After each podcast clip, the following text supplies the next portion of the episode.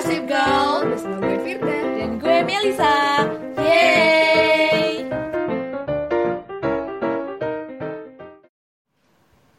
Fir Fir, Mhm. akhir-akhir ini tuh ya, gue ngerasa kayak capek banget. Mm-mm. Kenapa Padahal gue seharian gak ngapa-ngapain loh, kayak di rumah aja kan. Heeh. Tapi lu capek Tapi gue capek banget. Gendong tuyul kali lu Serem dong kak. Tapi aku gak ngerasa kayak gitu kok. Terus? Uh, terus gue kalau misal lagi buka sosmed gitu ya, gue ngeliat beberapa temen gue atau orang yang gue follow itu Mm-mm. uh, hidupnya tuh kayak uh, wah lo di umur yang segue bahkan lebih muda udah sampai di tingkat kesuksesan yang luar biasa ya gitu. Hmm. Sering tuh ada kayak pikiran-pikiran kayak gitu. Jadi lu suka ngebanding-bandingin hidup lo dengan hidup orang lain nih ya akhir-akhir ini gitu kan. Terus, terus? Uh, terus gue ngerasa kayak uh, tiap malam gue lebih sering overthinking nih sekarang gitu. Itu bukannya emang udah biasa gitu Kebiasaan lo tuh kalau mau tidur overthinking dulu Iya, overthinking ya. Mm-mm. Uh, terus gue kayak ngerasa dulu gue pernah ngeset hidup gue kayak nge uh, ada goalsnya di umur sekian gue bakal menargetkan gue bakal melakukan sesuatu hal apa di umur sekian gue ngapain sekian ngapain gitu kan Mm-mm. Terus?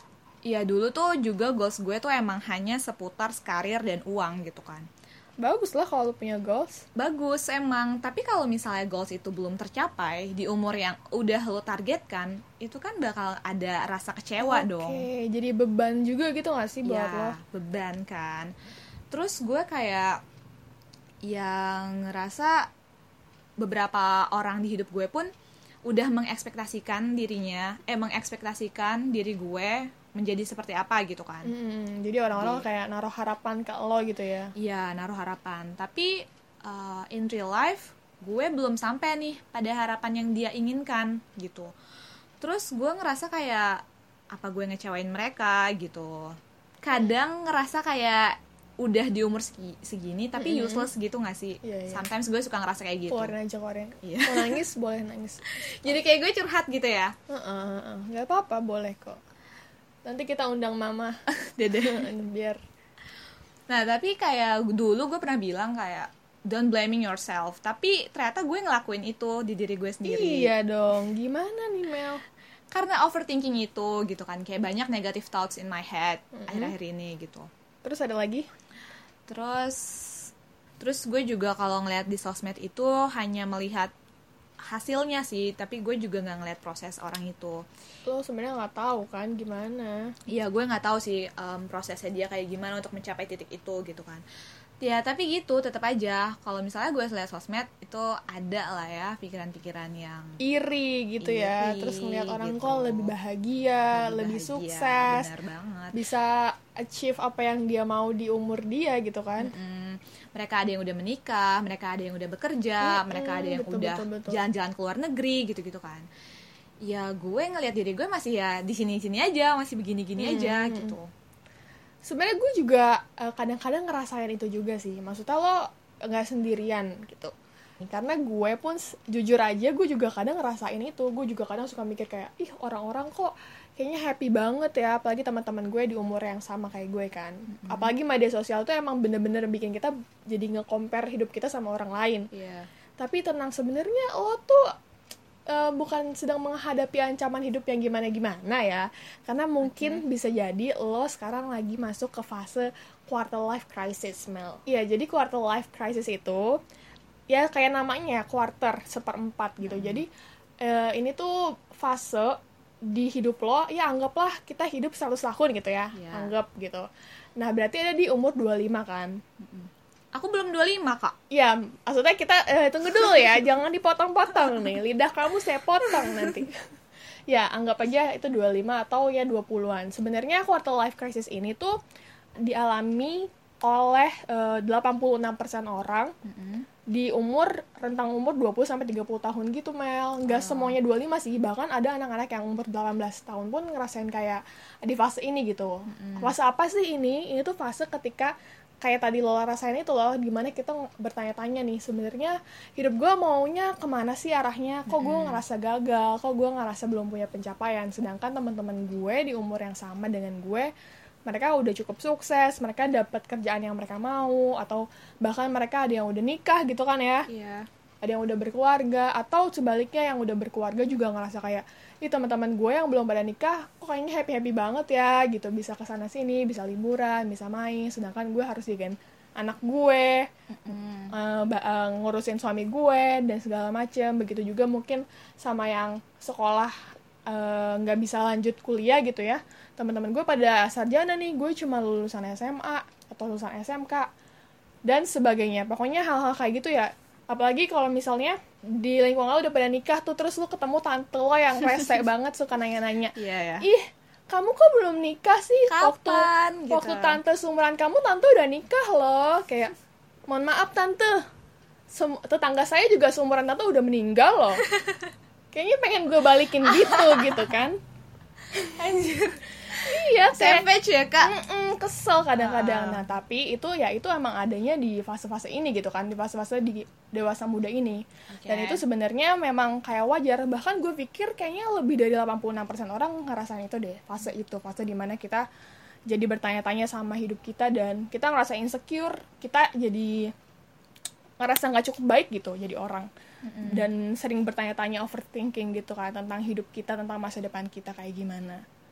Kayak gitu Mel. Dan lo tau nggak kalau quarter life crisis ini Mel? Ya. itu tuh ada fase-fasenya sebenarnya. Oh iya, ada fasenya. Fase itu dimulai dari kapan sih, Fir? jadi fase-fase eh, quarter life crisis ini gue ambillah empat fase gitu ya. Yang pertama tuh fase pertama tuh ya ketika lo ngerasa terjebak lo terjebak Di ruang dalam nostalgia.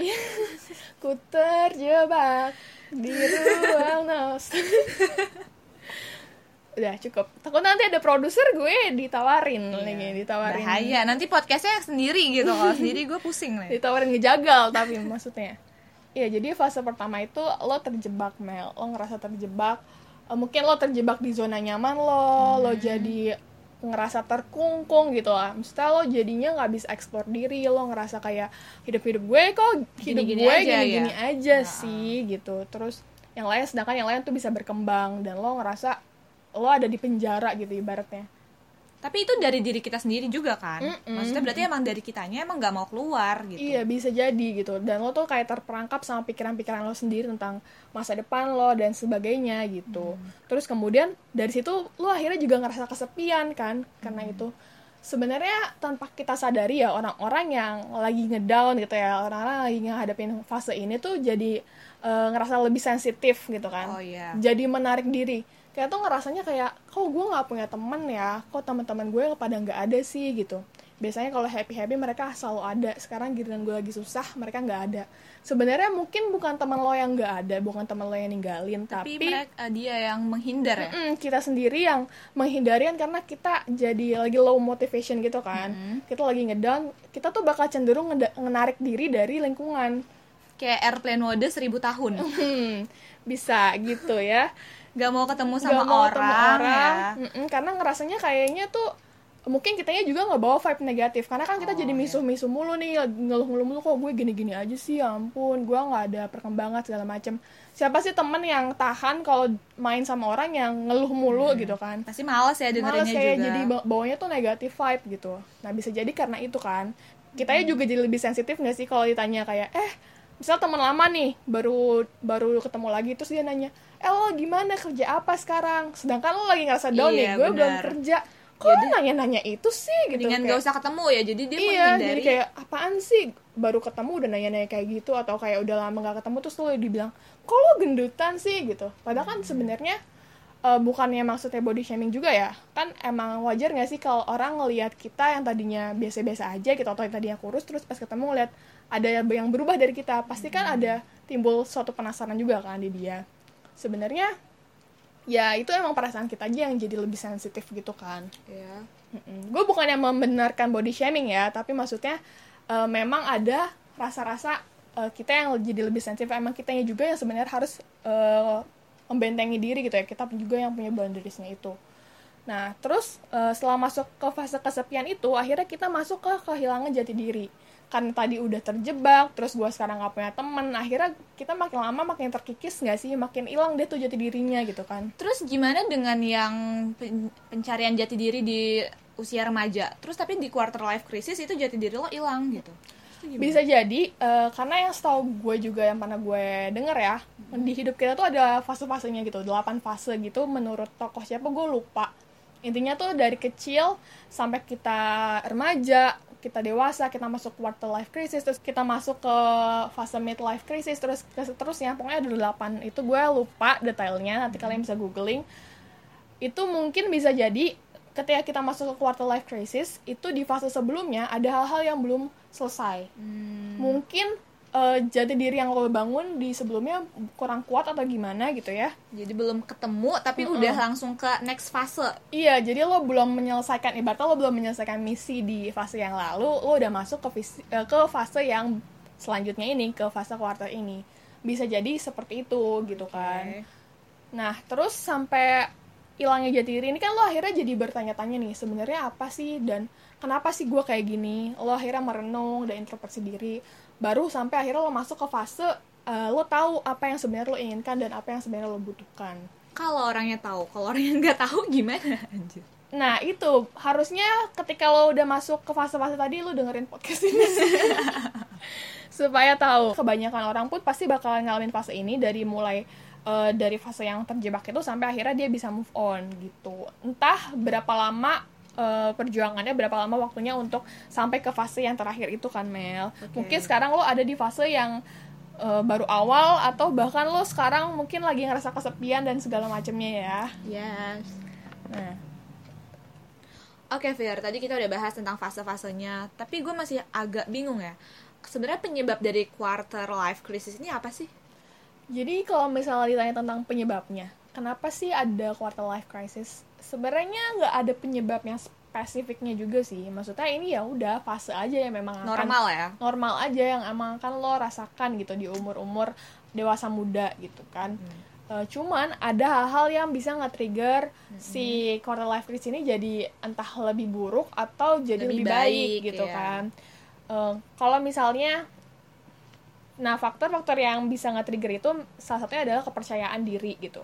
Kalau misalnya lo punya kepercayaan diri yang tinggi, mungkin lo akan ngadepin quarter life crisis ini jadi lebih mudah gitu kan. Iya. Mungkin lo akan lebih bisa untuk menghadapinya, untuk bisa mengatasi ini. Mungkin kalau misalnya emang eh, lo percaya diri lo tinggi gitu ya, hal-hal kayak gitu cuma masuk ke otak semalaman doang, terus besoknya lo langsung kayak yang fresh, terus kayak, oke, gue tahu gue mau ngapain gitu kan. Oke, gue tahu gue mesti apa gitu. cemerlang sekali ya manusia yang satu ini. Iya, mungkin dia secure juga kan Iya, hidupnya. Bisa jadi ya, sehat Uh-uh, banget deh lo. Sehat banget gitu. Sedangkan orang-orang yang mungkin punya kepercayaan dirinya rendah, di harapannya iya. tinggi, sedangkan dia tuh nggak punya uh, keyakinan akan hidup yang lebih baik. Jadi dia udah percaya dirinya rendah, tapi ekspektasinya tuh harapan harapannya tuh tinggi, gitu. Tinggi, Gue iya. nanti pengen jadi kayak gini, gue pengen jadi sultan, gue pengen liburan ke luar negeri Tapi segala nggak ada macem. effortnya gitu. Iya, tapi low effort terus juga jadi ragu nih, apakah mungkin ya gue bisa jalan-jalan ke luar negeri, keluar, eh, keliling dunia? Apakah mungkin gue bisa jadi Axmut mungkin di usia Iya. itu gitu. Jadi punya harapan tinggi tapi kepercayaan dirinya sama keyakinan untuk majunya tuh Rendah ya. rendah gitu. Akhirnya lo terjebak deh di quarter life crisis ini dan lo bertanya-tanya gimana sih, kenapa sih, dan mau sampai kapan kayak gitu. Oke, tapi berarti kalau dilihat-lihat quarter life crisis ini kurang lebih kayak salah satu em, tahap evaluasi diri juga nggak sih? Iya betul. Jadi kalau misalnya nggak ada quarter life crisis ini, lo nggak bakal tahu lo udah sampai mana menjalani kehidupan. Toh kalau emang ada, tadi kan eh, udah ada beberapa fase-fasenya, terus lo tuh bisa koleksi diri sendiri, terus Mm-mm, eval- betul, evaluasi kan. Mungkin lo bisa nulis resolusi yang akan lo lakukan untuk menjadi yang lebih baik. Betul. Jadi kalau dari gue sendiri ya, emang cara ngatasinnya sebenarnya quarter life crisis ini kita anggapnya jangan sebagai suatu ancaman hidup gitu yang kayak tadi gue Ya. bilang. Ya udah jalanin aja, Dan anggap take aja. it seriously gitu nggak sih? Mm-mm, betul. Anggap aja emang ini tuh satu fase di dalam hidup lo, di perjalanan hidup lo untuk lo menjadi dewasa, untuk menjadi lebih baik lagi gitu. Ibaratnya kayak ini tuh ujiannya buat lo naik kelas Oh, gitu. iya, bener, bener, Kalau misal lo bisa ngelewatin ini kan lo jadi jadi lebih dewasa nih, lo jadi naik kelas gitu, lo punya kelas yang baru lagi, lo masukin ke fase-fase baru lagi. Kita beranjak dewasa ya, Fir. Mm-mm, beranjak dewasa. oke Eh, terus selain itu juga ya Mel, lo juga bisa caranya untuk menghadapi quarter life crisis ini dengan mengurangi overthinking gitu. Eh, kan lo kan tadi jadi bertanya-tanya terus kan, kenapa sih gue Iya. begini, kenapa sih gue begitu. Coba deh lo sibukin diri lo, jangan lo kasih waktu untuk overthinking. Kalau misalnya lo masih sempat untuk berpikir negatif kan tandanya lo kurang sibuk tuh. Lo terlalu banyak waktu luang kan. Mendingan coba waktunya dipakai buat eh, hal-hal yang lebih bermanfaat gitu Iya. kan. Harus yang positif ya, lo jangan menyibukkan diri dengan mabok-mabokan, tidak judi, dan nongkrong-nongkrong doang gitu Enggak, kan. aku nggak nongkrong, aku duduk sih paling. Oh iya, pasti kamu duduk ya? Iya. Kalau aku aslinya nongkrong sih. iya, jadi ya mendingan lo pakainya buat hal-hal yang lebih positif gitu kan. Mungkin lo bisa nonton film yang memang filmnya juga bermanfaat ya. Jangan film yang tanpa edukasi. Oh jelas, education. Education. Pokoknya. Gak usah gue ngerti kan? tambahin. yang ada edukasinya gitu atau Oke, apa pun lah hobi lo mungkin hobi-hobi apa hobi gambar atau apa kan lumayan juga ya kalau misalnya memang lo ada bakat di satu hal atau di suatu bidang lo bisa kembangin dan bisa jadi masuk ke portofolio lo gitu kan untuk karir lo juga ke depannya dan ini sebenarnya kita nggak sebatas ngebahas mengenai eh, karir atau finansial ya tapi Iya. juga masuk ke keluarga atau masalah romantik gitu kan jadi berhenti untuk eh, mikirin hal-hal itu dan coba untuk menyibukkan diri gitu Oke. kan. Nah, terus lo juga mengubah pola pikir lo. Jadi gimana dong? Aku harus berpikir seperti apa? Positive Iya. thinking. Iya, lebih positive thinking. Terus jangan ngebanding-bandingin sama orang lain. Kan apa yang lo lihat itu kan belum tentu juga nih. Orang kan siapa sih Mel yang mau ngasih tunjuk jelek-jeleknya dia di Iya. media sosial. Pasti dia akan menunjukkan versi terbaiknya juga sih ya. Iya betul, semuanya pasti maunya yang kelihatan cakep, maunya kelihatan enak, kelihatan bagus di media sosial.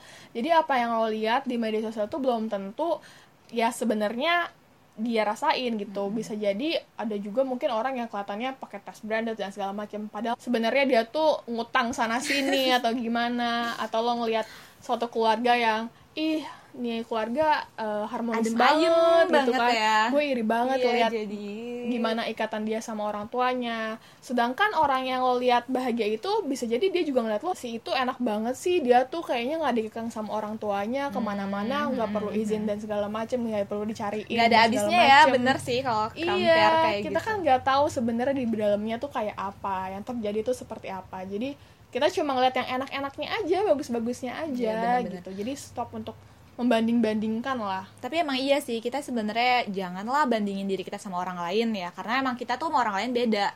Tapi kalau mau bandingin diri kita yang sekarang dengan diri kita yang dulu, Betul. Jadi ya lo juga harus bersyukur sama apa yang udah lo dapetin sekarang dibanding dulu yang belum lo dapetin kayak gitu sih. Betul. Tuh tahu poinnya ya kan? Iya, kita thank you. jangan berkompetisi jangan berkompetisi sama orang lain tapi kita harus berkompetisi sama diri kita yang lalu Iya, gitu oke. Terus juga selain itu kita coba deh untuk membuka diri ngobrol sama orang lain. Tadi kan gue bilang bahwa biasanya kita kalau lagi di fase-fase ini jadi lebih menyendiri kan lebih menarik diri. Nah coba untuk buka deh. Kita keluar kita temuin orang-orang gitu. Eh, kalau misalnya mereka nggak mau main ke rumah kita Kita ke sana. ya udah kita yang samperin. Oh Kayak main aku di ya, mana? Main ke rumahmu. iya dong. Masa aku terus yang ke sana iya jadi kayak ya udah jangan mau lo diturutin aja tapi lo juga harus coba buat eh, nurutin maunya orang gitu kan. Iya.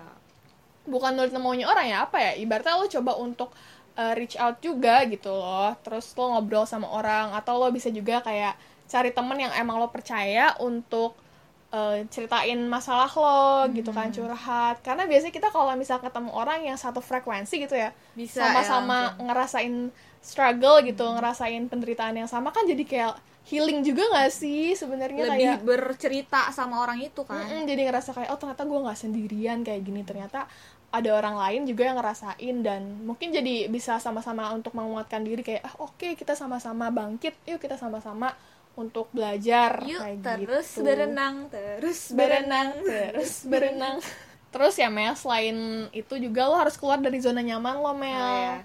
Tapi ya Fir, nyaman tuh emang jebakan sih Fir. nyaman itu jebakan seperti NKCTHI ya Iya, nyaman tuh jebakan. nyaman tuh jebakan. Nah, lo jangan sampai terjebak tuh di zona nyaman itu. Lo Iya. harus keluar karena ini juga yang gue pelajarin dari Gita Saf ya. Gita Saf itu ngerasa bersyukur banget bahwa dia menghadapi quarter life crisisnya itu dengan cara memulai Mel. Hmm.